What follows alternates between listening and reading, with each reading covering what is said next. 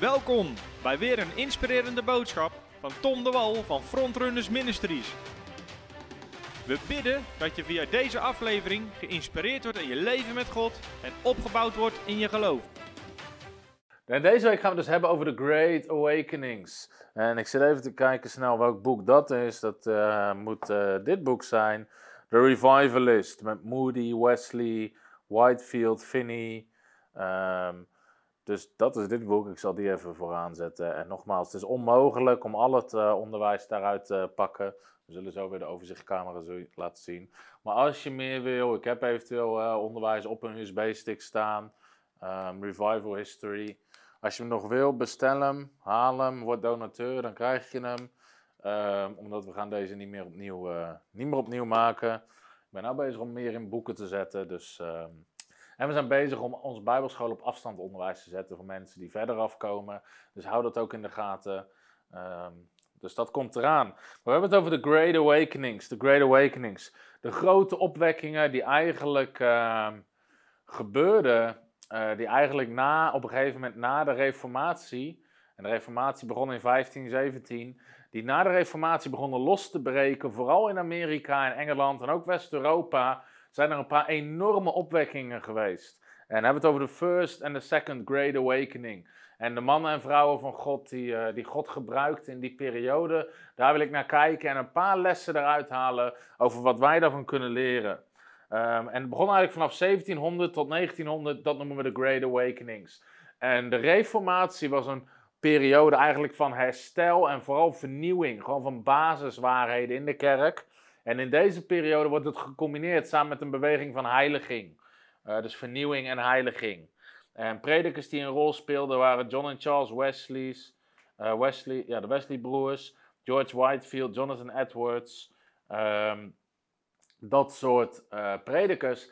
De First Great Awakening, de eerste opwekking, richtte zich voornamelijk op de mensen die al kerklid waren. Maar dan moet je even iets in gedachten houden. Um, want de tweede opwekking richtte zich uh, ook op een heel stuk nieuw bekeerlingen. Maar we hebben vorige keer met de Reformatie hebben het gehad over Calvijn, die op een gegeven moment de uitverkiezing neerzet. En de uitverkiezingsleer zegt: God is soeverein. God bepaalt alles, dus God bepaalt ook of dat de mens gered wordt of niet. God heeft al bepaald of dat jij gered gaat worden. Dus het moet je maar gegeven zijn. God moet je bekeren. En dat zie je nog bij heel veel mensen dat ze denken: God moet mij bekeren. Terwijl de Bijbel zegt: jij bekeert je, jij kiest ervoor. Je hebt keuzes, verantwoordelijkheid gekregen. Uh, anders zou je ook kunnen zeggen: ja, Adam kon er niks aan doen dat de mensheid viel want dat was Gods schuld. Nee, zo werkt het niet. Wij hadden de keuze om te zondigen en wij hebben de keuze om terug te komen bij de Vader. In ieder geval, ehm, in die tijd zitten de kerken dus vol en eigenlijk gelooft 90%, eigenlijk nog meer in die tijd, in de uitverkiezingsleer. Wat betekent dat ze in de kerk zitten vanuit gewoonte, religie en als poging om God te zoeken, maar of dat je uiteindelijk gered wordt en in de hemel komt, dat weet je nooit, want God moet jou bekeren. En als dat niet gebeurt in je leven, dan ben je alsnog verloren, ondanks dat je heel je leven in de kerk hebt gezeten uh, en je als een christen gedroeg. Dus dat is een beetje de achtergrond in die tijd wat, uh, wat, wat, uh, wat speelde. Nelly zit in het zonnige Spanje. Jongen, jongen, jongen. Nou, het is dat de Bijbel zegt dat we niet jaloers moeten zijn, Nelly. Maar we balen wel een beetje. Maar we gunnen het jou van harte. um, wie een hele grote rol hebben gespeeld in de opwekking zijn uh, John en Charles Wesley, de Wesley broers. En uh, hier staat ook, uh, in, in dit boek staat ook een verhaal. Kun je even een plaatje hebben, Lambert, van John en Charles Wesley? Um, dat is een goede vraag, ik denk het wel. Ik denk dat dia 2 is. Komt hij ook bij mij in beeld? Ja. Kijk, daar hebben we hem. Ik pak voornamelijk even het leven van, uh, van John Wesley. Um, en zij zijn eigenlijk de leiders geworden van de Methodistenbeweging, de Methodistenopwekkingen. Um, kan je het plaatje vergroten doen? Dan uh, kunnen mensen weer zijn Instagram-foto zien. Um, en dan ziet niemand eigenlijk dat ik alles zit op te lezen van mijn aantekeningen. Dat is nog veel beter. Oké, dat is een grapje. In ieder geval, um, John Wesley wordt geboren in Engeland en hij groeit op eigenlijk in de tijd dat, dat Engeland uh, niet heel krachtig is. Ze zit al 50 jaar lang in oorlog, net afgelopen. En in die tijd begint de verlichting begint op te komen. En de verlichting en redenatie en logica in plaats van geloof en bijbelse waarheid. En heel veel mensen die gaan uh, steeds sterker geloven in de wetenschap, dat dat het antwoord is op ieder probleem. En geloof en kerk schuift naar de achtergrond. Ehm, en in die tijd was er enorme alcoholverslaving in, in, over, over heel West-Europa. Um, en heel veel ziekte, pest, dat soort dingen. Waardoor 75% van de mensen eigenlijk sterft van de kinderen voor hun vijfde verjaardag. Om even een vergelijking te geven, bij John en Charles Wesley thuis zijn er 21 kinderen geboren.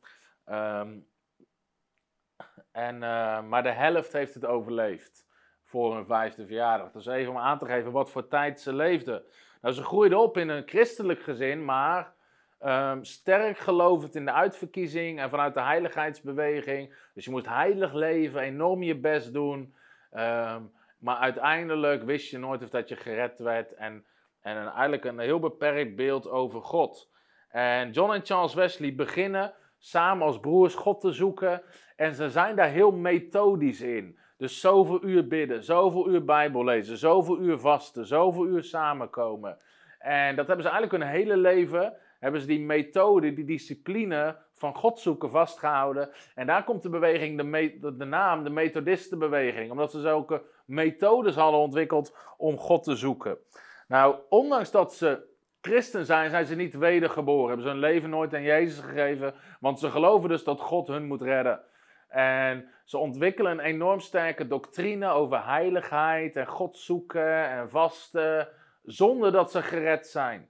En in die tijd wordt Amerika eigenlijk voor het eerst bewoond, zou je kunnen zeggen, door de kolonisten, door de mensen die, om, natuurlijk waren de, de Indianen er al, wat de oorspronkelijke bewoners zijn, maar die mensen gaan daarheen en die beginnen daar een nieuw leven. Ook een zwarte bladzijde als het gaat om slavernij. Dus de slavenkolonies komen daar en, en, andere verschrikkelijke dingen. Maar in die tijd, heel veel mensen, meer de pioniers en de ondernemers uit het Westen, die gaan naar Amerika om een heel nieuw leven en een heel nieuw land op te bouwen. En John en Charles Wesley, die dus niet geloven dat ze gered zijn. En om even aan te geven, dit is dus 200 jaar na de Reformatie, dat eigenlijk de uitverkiezingsleren eh, helemaal verspreid was.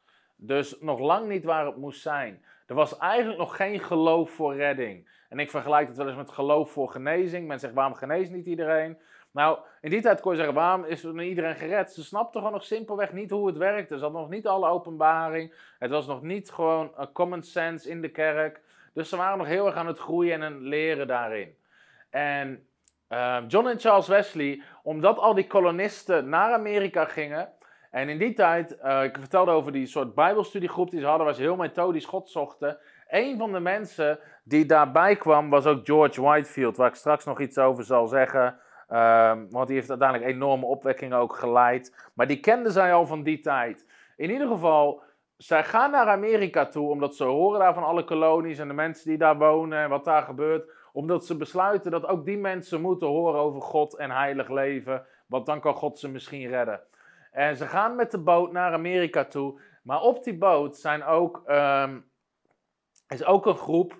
En dat waren de Moravische zendelingen. En dat, de Moravische zendelingen kwamen voort uit een opwekking. Dat noemen we de Hernhuttenbeweging. Dat is weer een andere beweging. Maar dat was een opwekking die in Duitsland onder andere plaatsvond. Dus er was een groep van die zendelingen die ook naar Amerika ging. Maar die waren wel gered. Ze geloofden hard dat ze gered waren. Ze hadden vrede met Jezus Christus.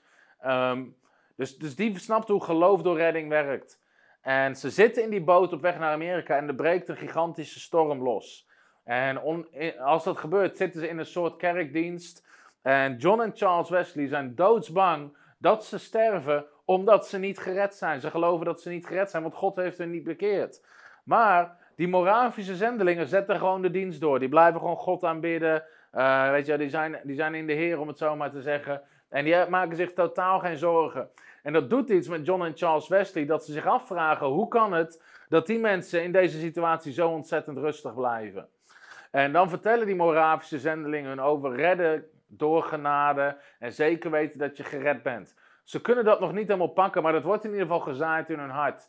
En daar gaan ze mee bezig om dat uit te werken. Terwijl ze in Amerika zijn, komt er op een gegeven moment een andere voorganger, die ook uit de Moravische beweging kwam.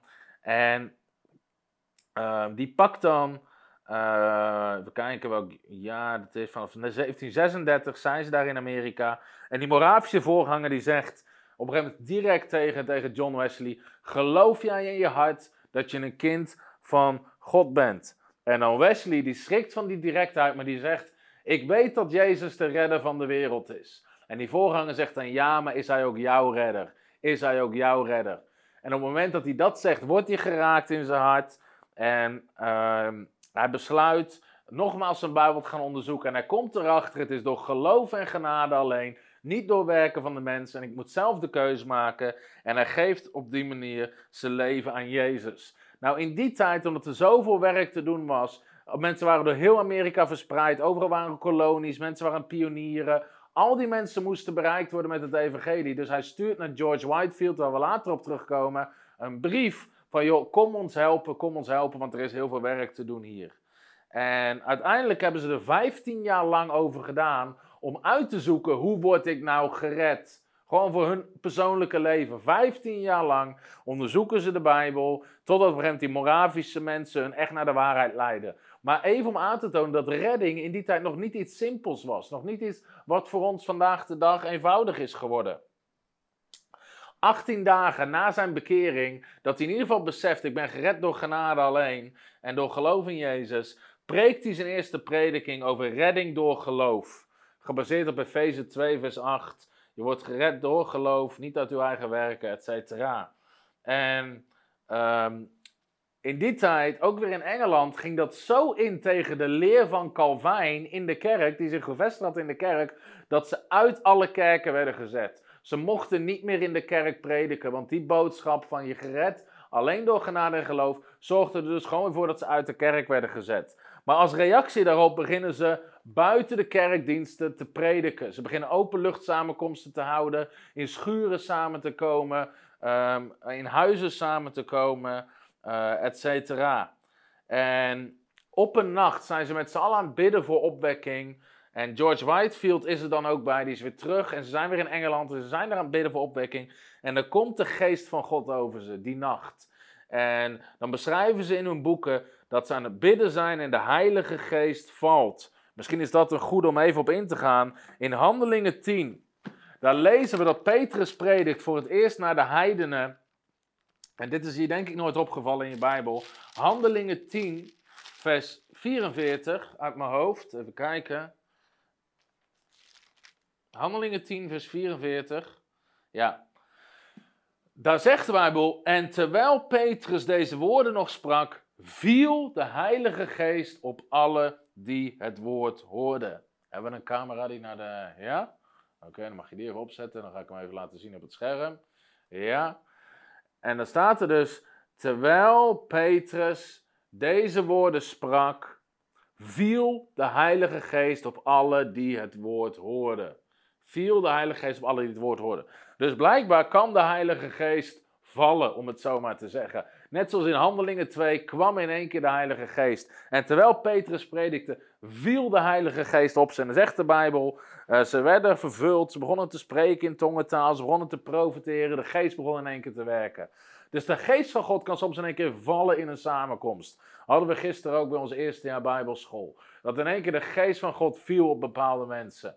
Maar bij John en Charles Wesley met die Methodistenbeweging en George Whitefield. Ze zijn een nacht aan het bidden en de geest van God valt in die gebedsdienst. En ze vallen op de grond, ze liggen op de grond.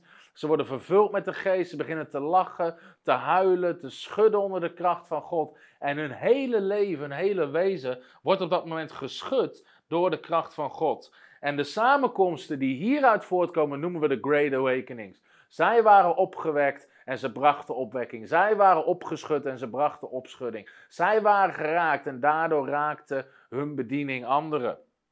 En de kerk weigert die beweging te accepteren, maar ze gaan gewoon door. Dus ze houden openluchtmeetings.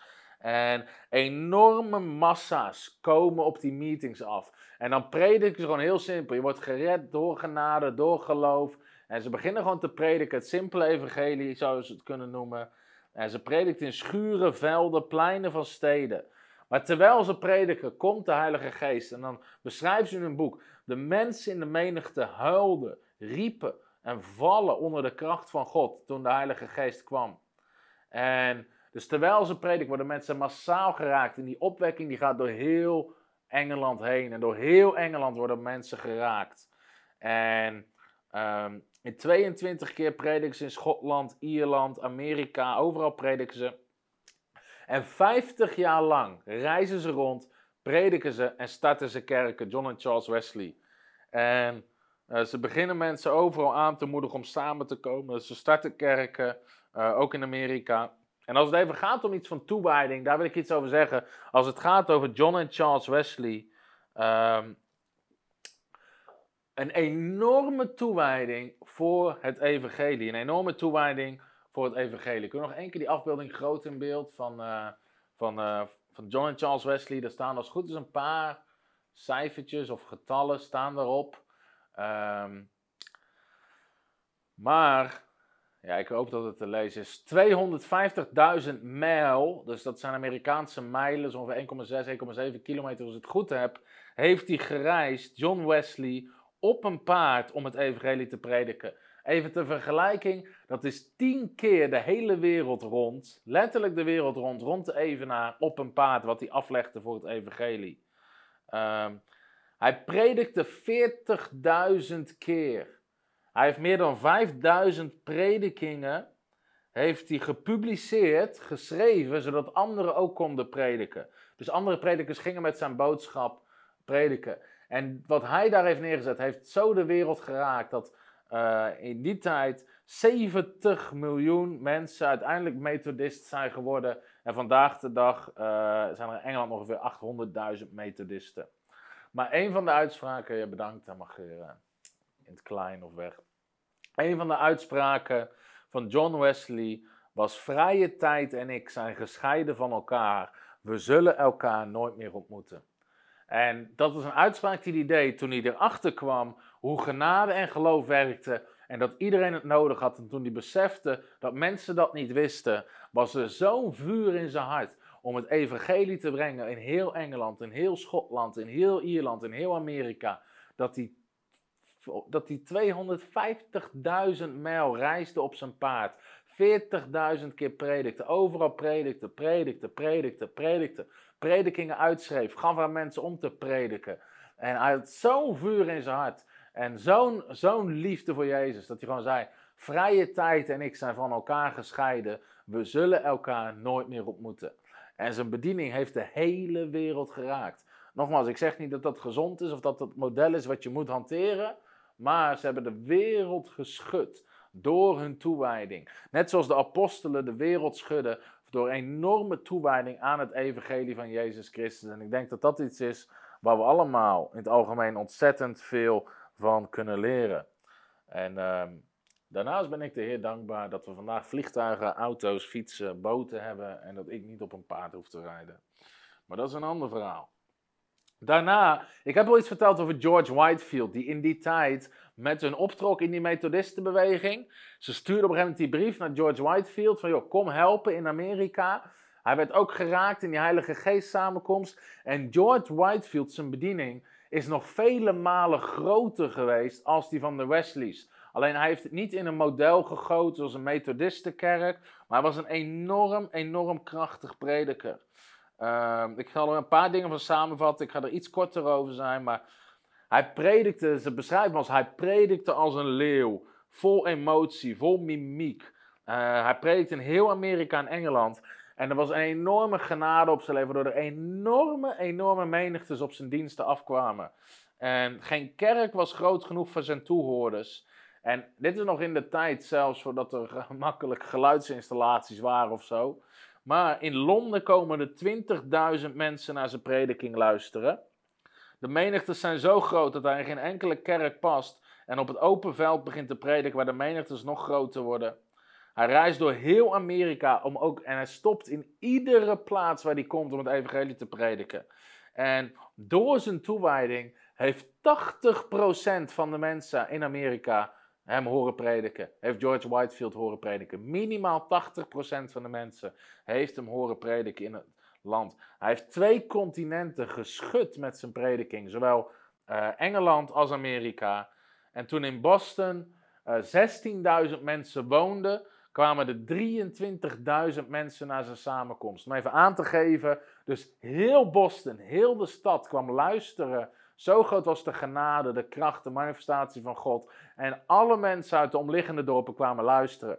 Dus met een stad met 16.000 mensen kwamen er 23.000 naar zijn bijeenkomsten. En uiteindelijk, uh, zijn bediening is vele malen groter geworden. Het was vele malen grotere genade op hem om te prediken. Dus even ter vergelijking, toen John Wesley zijn eerste openluchtsamenkomst predikte toen hij 36 was in Bristol. Dat is trouwens de stad waar Femke, mijn vrouw, bijbelschool heeft gedaan. Waar later ook weer George Muller uh, in opgegroeid is. Dus een enorme stad ook geraakt is door opwekking. Uh, toen kwamen er 3000 mensen naar John Wesley. Maar in die tijd predikte George Whitefield, al toen hij 20 was, tegen 30.000 mensen. En toen John Wesley predikte voor 6000 mensen, predikte George Whitefield over 60.000 mensen. En de genade en de geest van God op zijn leven was zo sterk dat hij ergens kwam prediken. Winkels gingen dicht, kroegen gingen dicht, sportvelden gingen dicht. Mensen tijdens de predikingen begonnen te huilen, vielen op de grond, uh, riepen het uit om genade, schreeuwden het uit naar God. En dit is een omschrijving van, uh, van Whitefield zelf over deze periode van opwekking. Hij zei tijdens zijn prediking: Overal waar ik keek waren mensen in tranen. Sommigen lagen als dood op de grond, anderen wrongen hun handen in elkaar, anderen lagen op de grond. Weer anderen vielen in de armen van hun vrienden en bekenden. De meesten hieven hun ogen op naar de hemel en riepen het uit naar God. Soms leken alsof mensen in een soort trance lagen. Die waren dus gewoon gevallen in de geest. Alleen in die tijd kenden ze dat fenomeen nog niet echt. 24 uur aan een stuk lagen mensen soms op de grond. Uh, ondertussen kregen deze mensen beelden, visioenen van de hemel, uh, ontmoetingen met Jezus, etc. En hij begint ook samen met de Wesleys voor het eerst de term opnieuw geboren te gebruiken. Je moet opnieuw geboren worden. Dat is de term die ze beginnen te gebruiken. En uiteindelijk door de genade van God op zijn leven heeft hij, hij overlijdt relatief jong, uh, maar hij heeft meer dan 18.000 keer gepreekt. Meer dan 500 keer per jaar predikte hij, 33 jaar lang. En uiteindelijk, als hij 56 is, overlijdt hij. En meer dan 60.000 mensen wonen zijn begrafenis bij. En uh, George Whitefield, enorme genade, enorme kracht van God op zijn leven.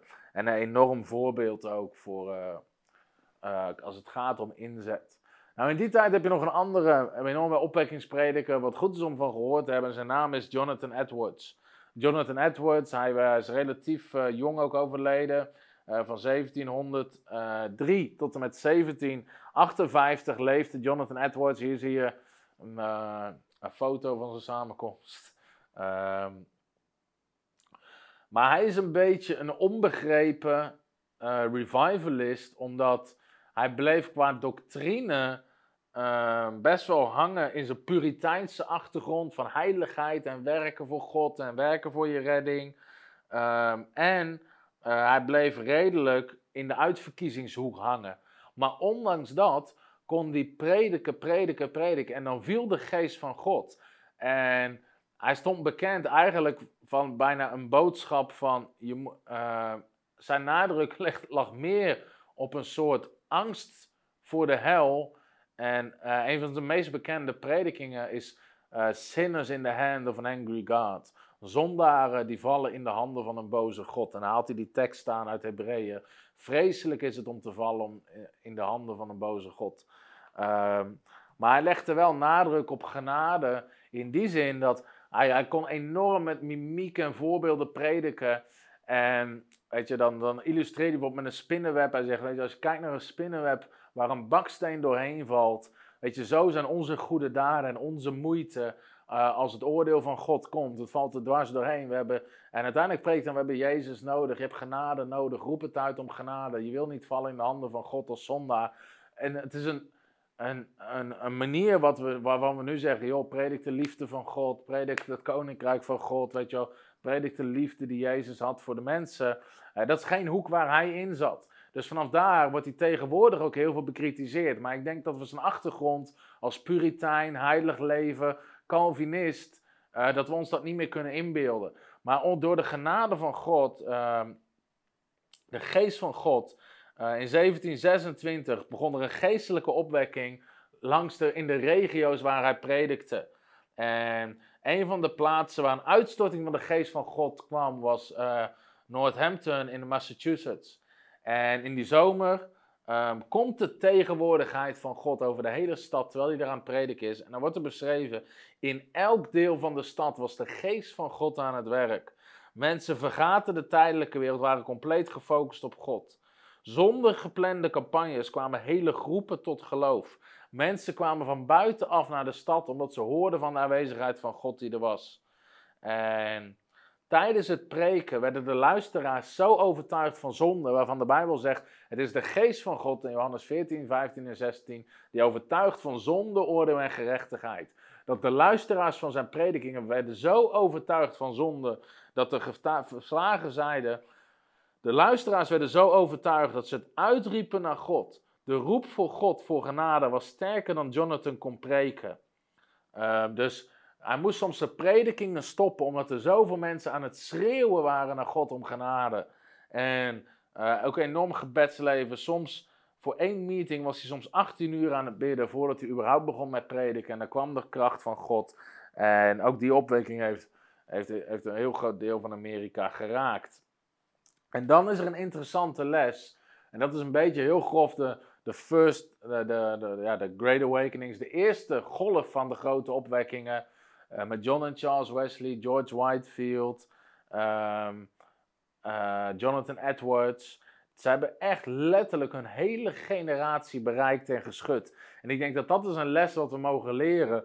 Paulus in zijn tijd, Jezus in zijn tijd, schudden hun hele generatie. Iedereen had van ze gehoord. Iedereen wist wat er aan de hand was. En ik bid dat die genade van God, die kracht van God, die beweging van God weer op onze generatie komt. Dat gewoon de hele generatie geschud wordt door de kracht van God. Jezus, de hele generatie wist wat er aan de hand was.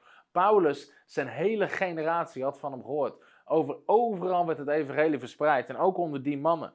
Alleen daarna stond er een generatie op Waardoor de Second Great Awakening nodig was, vanaf 1800 weer, omdat er in die tussentijd weer een generatie was opgestaan die niet uh, met die opwekking groot was gebracht, dus eigenlijk weer van God afdwaalde. En daarom zegt het boek Richteren ook, en dat is, uh, ik denk dat het Richteren hoofdstuk 1 is. Ik ga hem even snel voorlezen, omdat het wel een hele uh, krachtige tekst is. Of het is het eerste hoofdstuk, of het laatste hoofdstuk van uh, Richteren. Even kijken. Nee, Richteren 2, vers 10. Richteren 2, vers 10. En dit is wel een tekst, ik zal hem even hier uh, onder de camera houden. Dit is wel een tekst um, die heel goed is om te beseffen voor ons. Want daar staat er um, in het boek Richteren en ook heel die generatie, toen die met zijn vaderen verenigd was, stond er na hen een andere generatie op die de Heere niet kende. En evenmin de daden die hij voor Israël verricht had. Toen deden de Israëlieten wat slecht was in de ogen van de Heer en ze dienden de Baals, de afgoden. Dus er stond op een gegeven moment een generatie op, hoewel de vorige generatie had de wonderen van God meegemaakt, hoe ze in het beloofde land gebracht waren, hoe ze reuzen verslagen hadden, steden ingenomen hadden, uh, verhalen zoals Jericho, Goliath, dat soort verhalen, maar er staat een generatie op, uh, Goliath is natuurlijk daarna, uh, maar, maar Jericho, die steden die ze innemen, er staat een generatie op die de werken van God heeft gezien. En ze nemen het land in. Maar dan komt er een generatie die dat niet meer kent. En dan zegt de Bijbel dat ze kenden niet de wonderen van God, dus ze dreven weer af. En dat is een belangrijke les voor ons. Iedere generatie heeft opwekking nodig. Iedere generatie heeft krachtige predikers nodig, heeft wonderen en tekenen nodig. Heeft het nodig dat onze generatie de krachtige daden, de machtige daden van de Heer ziet. En in die tijd was het ook zo dat hoewel een hele generatie geschud was door die opwekking, was het onder de volgende generatie niet zo. Dus het week weer af. Um, en dan komen de Second Great Awakenings. Ehm, en dan heb je predikanten zoals een Charles Finney en dat soort eh, eh, mensen, die eigenlijk tijdens de industriële revolutie, ehm, dat het hele kapitalisme op gang komt, beginnen te prediken. En Charles Finney, Charles Finney was een advocaat en hij las zijn Bijbel ook als een wetboek. Dus als het erin stond, was het waar. Hij nam God voor zijn woord en op een gegeven moment komt hij tot levend geloof. En er is meteen een enorme genade van God op hem. Dat de dag dat hij tot geloof komt, spreekt hij drie mensen en die komen allemaal tot geloof. Het is alsof zijn woorden door harten heen snijden. En bijna iedereen die die spreekt, komt tot geloof. En Charles Finney, er is een enorme. Hij ziet eruit als een hele vriendelijke man, zoals je kan zien. Uh, ja, hij is al even niet naar de kapper geweest. Uh, maar de. Weet je, het vuur van God zat in zijn ogen. En als hij met mensen spreekt, weet je, het is alsof, alsof zijn woorden door de ziel heen snijden. En bijna iedereen waarmee hij praat, komt tot geloof. Is een enorme genade, kracht en uh, een zegen van God op zijn leven. En uh, ook hij begint samenkomsten te houden. Hij begint samenkomsten te houden. En Charles Finney was de eerste die altar calls begint te doen, zoals we die vandaag kennen. Dus hij zei tegen mensen, als je, als je Jezus wil aannemen, kom dan naar voren. En hij riep mensen uit hun rijen. Hij bad met ze, hij bad voor ze. Charles Finney is de eerste die dat begint toe te passen. Uh, de altar call, dus mensen naar voren uh, roepen. En uh, was een enorme kracht van God uh, op zijn leven. er is één verhaal, trouwens ook mensen vielen in de geest, maar er is een verhaal dat, dat Charles Finney uh, hij is dan een paar samenkomsten aan het doen in de kerk. En de hele kerk op één persoon na komt tot geloof. En die persoon die niet tot geloof wil komen, uh, die niet overtuigd werd, was een, uh, was een man die getrouwd was met een vrouw die daar wel tot geloof kwam. En die was zo boos op Charles Finney dat hij de volgende dienst zijn revolver meeneemt, in zijn jas doet en naar die dienst gaat om Charles Finney tijdens zijn preek dood te schieten. En Charles Finney loopt het podium op om te prediken. En met dat hij begint te prediken, komt de kracht van God op die man, die hem dus dood wil schieten in de samenkomst. En die man valt schreeuwend, schreeuwend, schreeuwend op de grond. En terwijl hij dat doet, krijgt die man, uh, terwijl de kracht van God op hem komt, krijgt die man een visioen dat hij de hel inglijdt. En hij begint te roepen, red me, red me, red me, red me. En hij komt uiteindelijk uit dat visioen en hij geeft zijn leven aan Jezus. En ook de laatste persoon in die kerk is dus bekeerd. Om even aan te geven de genade en de kracht van God uh, die op zijn leven was. Charles Finney werkte samen met een persoon die heet Father Nash. En Father Nash was zijn voorbidder. Voordat Charles Finney naar een stad ging om campagnes te houden, stuurde die Father Nash vooruit. En die begon te bidden, te bidden, te bidden, te bidden, totdat hij er door had. Ik heb doorbraak in de geest. En dan kwam Charles Finney om zijn campagne te doen. En uiteindelijk, door Charles Finney, geven meer dan een half miljoen mensen hun leven aan Jezus. Maar dat was gewoon een enorme overtuiging van de geest van God op zijn leven. Er is een verhaal dat uh, Charles Finney wordt uitgenodigd in een fabriek. Door de eigenaar van die fabriek. Die christen was, maar zijn personeel was geen christen. En er werden in die tijd grappen gemaakt over Charles Finney die naar de stad kwam. En, uh, maar om even aan te tonen de kracht en genade van God die op zijn leven was. Dus die eigenaar neemt hem mee naar die fabriek. En ze staan ergens hoog op een soort metalen balkon neer te kijken in die fabriek waar allemaal mensen aan het werk zijn. En Charles Finney die staat gewoon over de mensen te kijken. En mensen kijken op en die kijken naar hem. En iedereen die hem aankijkt, val, terwijl hij niet predikt, hij zegt niks, vallen op de grond, op hun knieën en beginnen te roepen om de genade van God. En die hele fabriek wordt geraakt door opwekking. En alle werknemers geven hun leven aan Jezus. Terwijl hij daar gewoon staat en hij kijkt mensen aan. En dus alsof hij dwars door hen heen kijkt en mensen beseffen, we hebben genade nodig, we hebben genade nodig. De kracht van God, machtig, machtig op zijn leven. Dat was het leven van Charles Finney. Uh, dan heb je nog uh, in die tijd ook Dwight L. Moody. En uh, hij was een man die, waar het bekend om was, hij heeft een enorme kerk opgebouwd. Die kerk werd in de grote brand van Chicago in die tijd helemaal afgebrand. En toen begon hij grote conferenties te doen en had een enorme uitgeverij, waardoor hij heel veel christelijke literatuur verspreidde. Maar wat Charles, uh, of wat, uh, wat Dwight L. Moody deed, um, hij deed zijn conferenties met duizenden jongeren. En dan tijdens die conferenties, hij stond eigenlijk aan het begin van een enorme zendingsbeweging. Want tijdens die conferenties deed hij oproepen: wie wil zijn leven geven als zendeling? Wie wil mensen bereiken? En vanuit die conferenties werden duizenden, duizenden, duizenden jonge mensen de hele wereld overgestuurd als zendelingen. Hij was een grote uh, supporter en ondersteuner van uh, de, Chiland, of, of China Island Mission van Hudson Taylor, dat soort zendelingen. Misschien dat je ze wel kent. Er is een apart boek over zendelingen geschreven. Ik denk dat het hier is. Dat was de rest. De Missionaries. Als jij denkt dat je geroepen bent als zendeling, uh, is dit een hele mooie om te lezen met verhalen, onder andere van Livingstone.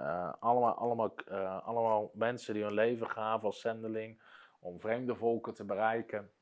Maar Dwight L. Moody stond aan het begin van die beweging door duizenden, duizenden, duizenden jonge mensen uit te sturen.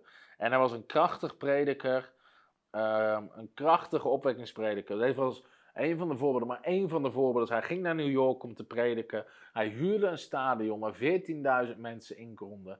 En tien weken lang, iedere dag, heel de dag, zat het stadion vol. En uh, binnen twee maanden bereikte in New York 1 miljoen mensen. 1 miljoen mensen in twee maanden bereikt hij voor het evangelie. Enorme genade en kracht van God uh, op zijn leven. En dat doet hij op allerlei andere plekken. Bidstonden met duizenden mensen. En uiteindelijk sprak hij tegen meer dan 100 miljoen mensen het evangelie. Meer dan 100 miljoen mensen heeft hij het evangelie verteld. Enorm toegewijd.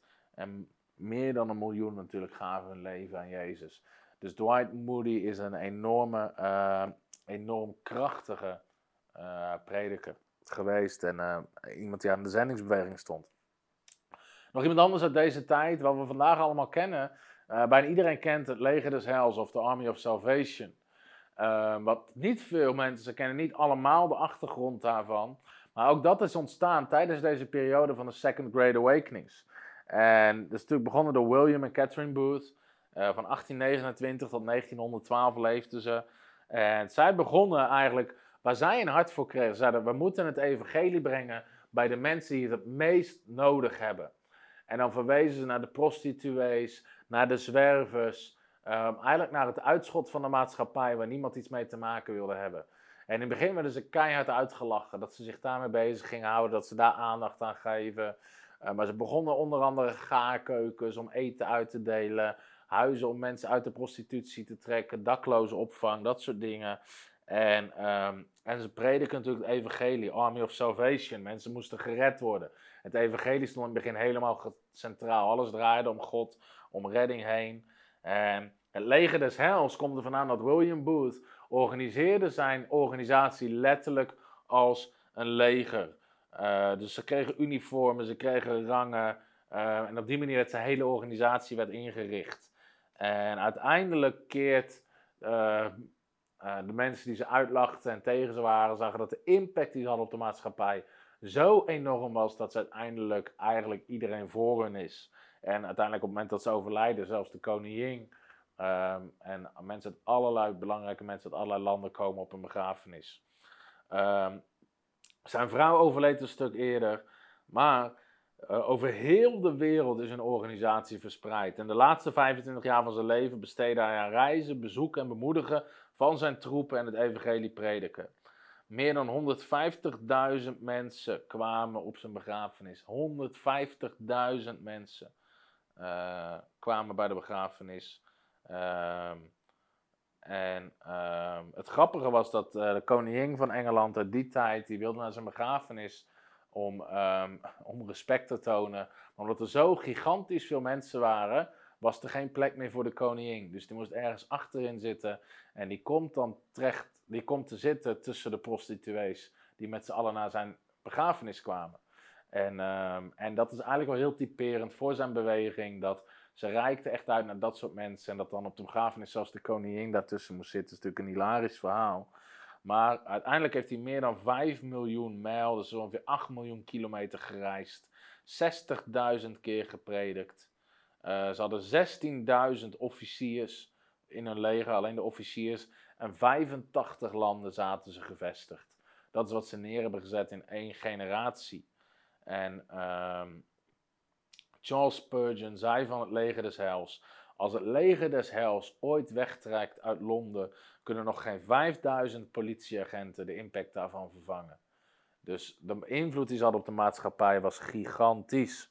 Als er trouwens mensen zijn met vragen, dan, hoor, dan hoor ik het graag. Ehm, en dan kijken we of dat we ze kunnen beantwoorden. En uh, uh, dan, uh, we zijn ergens naartoe aan het werken. Op een gegeven moment gaan we allerlei opwekkingen zien, ook vandaag de dag, en hoe God daarin werkt. Uiteindelijk de bekendste uitspraak misschien die hij deed, was over de tijd waarin we leven. Hij zei, het gevaar van de moderne tijd zal zijn religie zonder heilige geest. Christendom zonder Christus, vergeving zonder bekering, redding zonder wedergeboorte, een politiek zonder God en een hemel zonder hel. Dat is een uitspraak die je nog wel eens gedeeld ziet worden, was een uitspraak die hij deed. Um, dat waren even de mensen uit deze tijd, of uit die awakenings die ik aan wilde halen. Natuurlijk zijn er veel meer. Je kan de boeken lezen, uh, je kan de USB-stick kopen met onderwijs. Uh, maar even om aan te tonen wat de generaals waren uit die tijd. Dan hebben we het over een John en Charles Wesley, George Whitefield, Jonathan Edwards, Charles Finney, Dwight L. Moody, William en Catherine Booth. En ik denk dat er een aantal lessen zijn die we uit deze beweging kunnen leren. Eén daarvan is de toewijding. Hoewel ze veel minder moderne middelen hadden als ons, zo enorm toegewijd voor het evangelie. En ik bid eigenlijk dat dat weer over, als ik mag zeggen, over mijn generatie, over onze generatie komt. Want ik denk dat we een generatie hebben die heel veel gaat voor comfort, voor gemak, voor luxe, en dat eigenlijk het deel van je leven neerleggen voor het evangelie. Het koninkrijk op de eerste plaats. En een passie die brandt in je hart om je hele generatie te bereiken met het evangelie. Het besef dat mensen redding nodig hebben en anders voor eeuwig verloren zijn. Weet je, is iets wat mist of lijkt te missen in een groot deel van onze generatie. We leven zoveel voor ons eigen comfort, ons eigen gemak, ons eigen huisje, boompje, beestje, onze eigen gezette kaders waar wij mee comfortabel zijn. Uh, omdat we eigenlijk niet beseffen uh, de nood die er is, uh, de opdracht die er is. Bereik alle volken met het evangelie. Dit evangelie, zegt deze Matthäus 24, zal gepredikt worden tot alle uiteinden van de aarde. Matthäus hoofdstuk 28, ga dan heen. Maak alle volken tot mijn discipelen. Dat is de opdracht die we gekregen hebben als christenen. Maak alle volken tot mijn discipelen. Dat is wat Jezus als laatste zei toen hij uh, opvoer in het evangelie van Matthäus. Uh, Matthäus 28. Daar zegt Jezus, uh, ik zal hem voorlezen, het is een hele bekende tekst. Maar zo'n duidelijke opdracht. Um, Matthäus 28, vers 18. En Jezus kwam naar hen toe en zei: Mij is gegeven alle macht in hemel en op aarde. Dus Jezus heeft alle macht teruggenomen van de duivel. Hij heeft alles weer in zijn handen. Maar dan zegt hij: Ga dan heen, ga erop uit. In andere woorden, bijna laat alles achter je. Dat was de opdracht van Jezus. Onderwijs al de volken. Doop ze in de naam van de Vader, de Zoon en de Heilige Geest. En leer ze alles wat ik u geleerd heb. En ik zal met u zijn alle dagen tot de voleinding van de wereld. Dat is de opdracht die Jezus ons gegeven heeft. En ik bid dat die opdracht helderder zal klinken in onze geest. En meer en meer zal beseffen in onze generatie die nu leeft in deze tijd. De verantwoordelijkheid die we hebben om iedereen te bereiken met het evangelie, met het goede nieuws, met het koninkrijk van God. En vandaag de dag leven er meer mensen ooit tevoren op aarde. Maar ook meer mensen hebben het evangelie als ooit tevoren nodig. En dat is iets waar ik van denk, hey, dat kunnen we echt leren. Als je kijkt naar de toewijding. Een John Wesley die zegt, vrije tijd en ik uh, zijn van elkaar gescheiden. We zullen elkaar nooit meer zien. En nogmaals, ik zeg niet dat je geen vrije tijd mag hebben, dat je geen hobby's mag hebben. Maar de toewijding die ze hadden, uh, daar kunnen we echt iets van leren. En zelfs nog mensen, denk ik, vlak voor onze generatie. Al kijk je naar bijvoorbeeld een Jan-Sjoerd Pastenkamp, die zijn leven heeft gegeven als voltijdzendeling van land naar land naar land. Alles eraan deed om mensen te redden, te redden, te redden. Dan bid ik dat zo'n soort genade en dat dat besef weer op onze levens komt. En dat dezelfde passie en dat God in deze tijd mensen doet opstaan met hetzelfde verlangen om te zeggen: wij gaan onze generatie bereiken. Onze generatie gaat het goede nieuws horen. En we hebben opwekking nodig in onze generatie. En dat zetten we boven ons comfort, boven onze leefstandaard, boven onze gemak. Dat soort dingen. Um, ik denk dat dat is iets wat we ontzettend uh, nodig hebben. Dus dat is iets wat we kunnen leren. Daarna de intense nadruk op bekering uit deze periode. Het was, en wat waar, waar uh, William Booth voor waarschuwde, een van de grootste gevaren van de moderne tijd. Uh, ik zal nog even één keer letterlijk. Uh, hij, in het Engels zegt hij: It will be forgiveness without repentance. Ik, hij zei: Ik hoop dat mensen dat niet gaan preken. Forgiveness without repentance. In andere woorden, bekering. Dat is het fundament. Jezus' zijn boodschap was bekeer je. Johannes de Doper zijn boodschap was bekeer je. De discipelen predikten bekeer je. Laat je oude leven achter. Kom uit je zonde. Uh, en dat is iets wat in die tijd enorm sterk werd gepredikt. Heiligheid, bekering, je oude leven achter je laten.